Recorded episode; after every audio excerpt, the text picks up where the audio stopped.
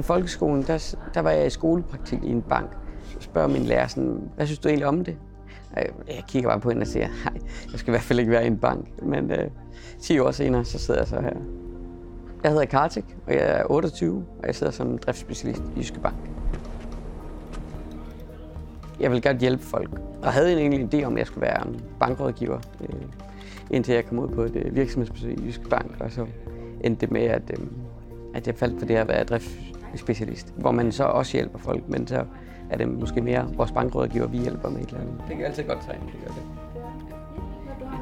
Det er meget sådan øh, uformelt. Vi, vi hører musik sådan på arbejde, og en gang imellem der mødes vi lige og spiller noget, øh, noget bordtennis.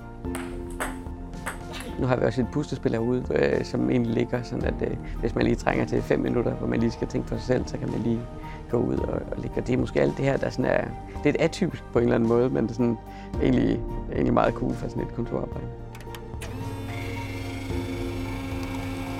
I, øh, i traineeforløbet, der får man så lov til at fordybe sig i nogle af de ting, som, øh, som man har været igennem, mens man har øh, praktik. Så møder man selvfølgelig nogle af de andre trainees også, så man begynder sådan at danne sig et netværk. Der er stor forskel på den Kartik, der gik ind første dag i Jyske Bank, og på den Kartik, der sidder her i dag. Far at være sådan meget introvert og usikker på det stof, man har lært i skolen. Øh, så synes jeg, at jeg er blevet rigtig god til sådan at, eller i hvert fald en del bedre til at snakke med folk, og, og sådan lidt mere tryg i de, de faglige termer. Jysk Bank Selvstændig det Kartik.